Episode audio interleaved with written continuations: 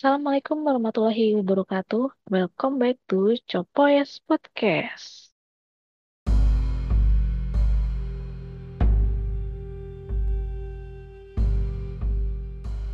Halo para pendengar Copoyes Podcast, kembali lagi bersama denganku yaitu Putih pada episode ini.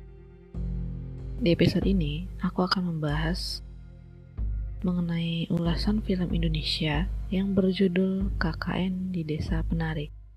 Film yang lagi rame banget nih, bahkan sekarang udah sampai 7 juta penonton.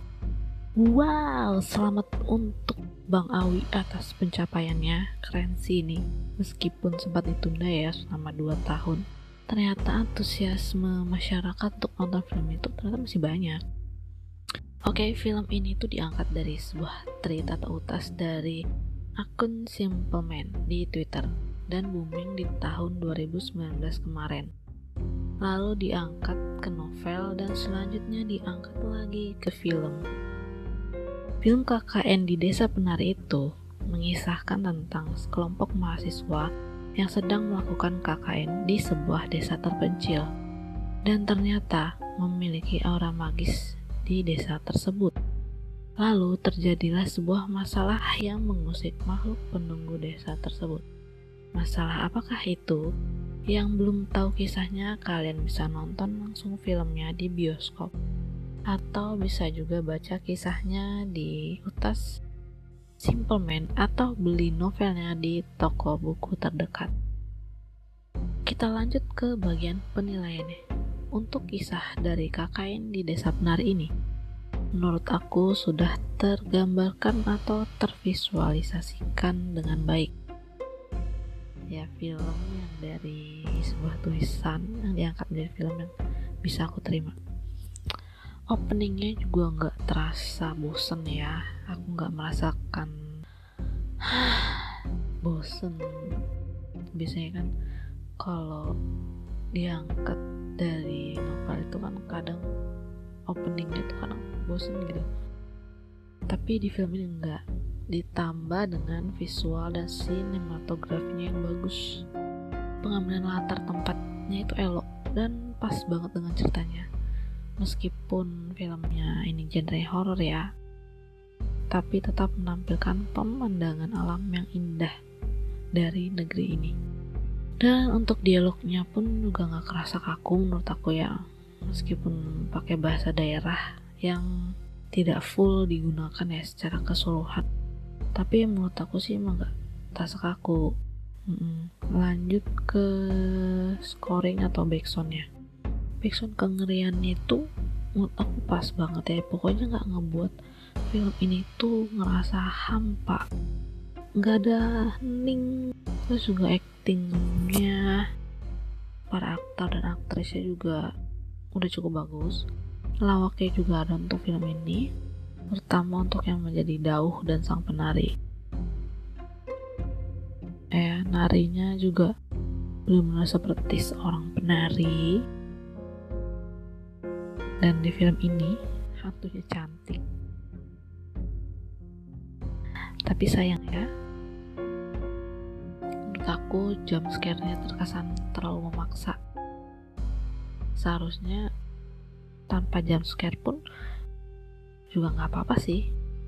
Aura suramnya juga udah bikin ngeri gitu kan.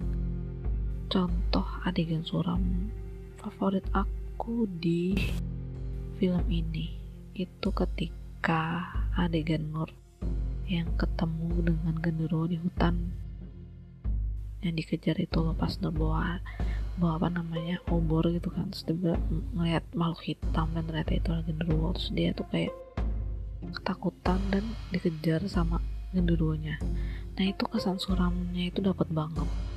Dan kengeriannya juga ditambah adegan itu tuh dibuat dengan agak lambat. Editingnya bagus banget. Adegan itu menurut aku bagus banget. Dan aku terkagum-kagum dengan adegan itu kayaknya. Wah ini drama horor yang gue cari.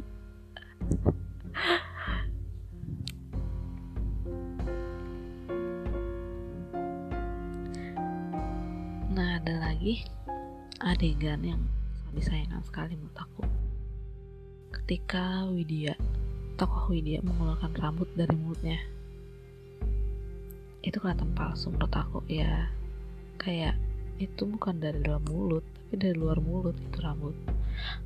Dan pas nonton di bioskop pun aku dengar ada orang yang nyelotok wah palsu tuh. Jadi orang-orang yang melihat adegan itu udah ngerasa adegan itu pasti rambut itu dikeluarkan bukan dari mulut tapi dari samping. Nah itu dia. Itu adegan yang sangat disayangkan sekali untuk apalagi ya kayak penilaian aku cuma sampai di situ aja. Dan secara keseluruhan juga film ini udah bagus. Dan editingnya juga bagus pokoknya.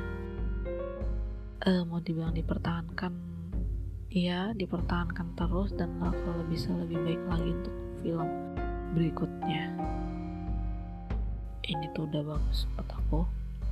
Meskipun ya ada beberapa kekurangan ya. Jadi aku cuma bisa memberi ratingnya yaitu 7,5 per 10 hmm. jadi sekian ulasan dari film KKN di Desa Penari. Apabila ada kesalahan dalam berucap mohon dimaafkan. Kami juga menerima kritik dan saran dari kalian tinggal DM aja ke medsos kita yaitu di Twitter at Podcast atau Instagram at Podcast. Sampai jumpa di next review. Bye bye. Wassalamualaikum warahmatullahi wabarakatuh.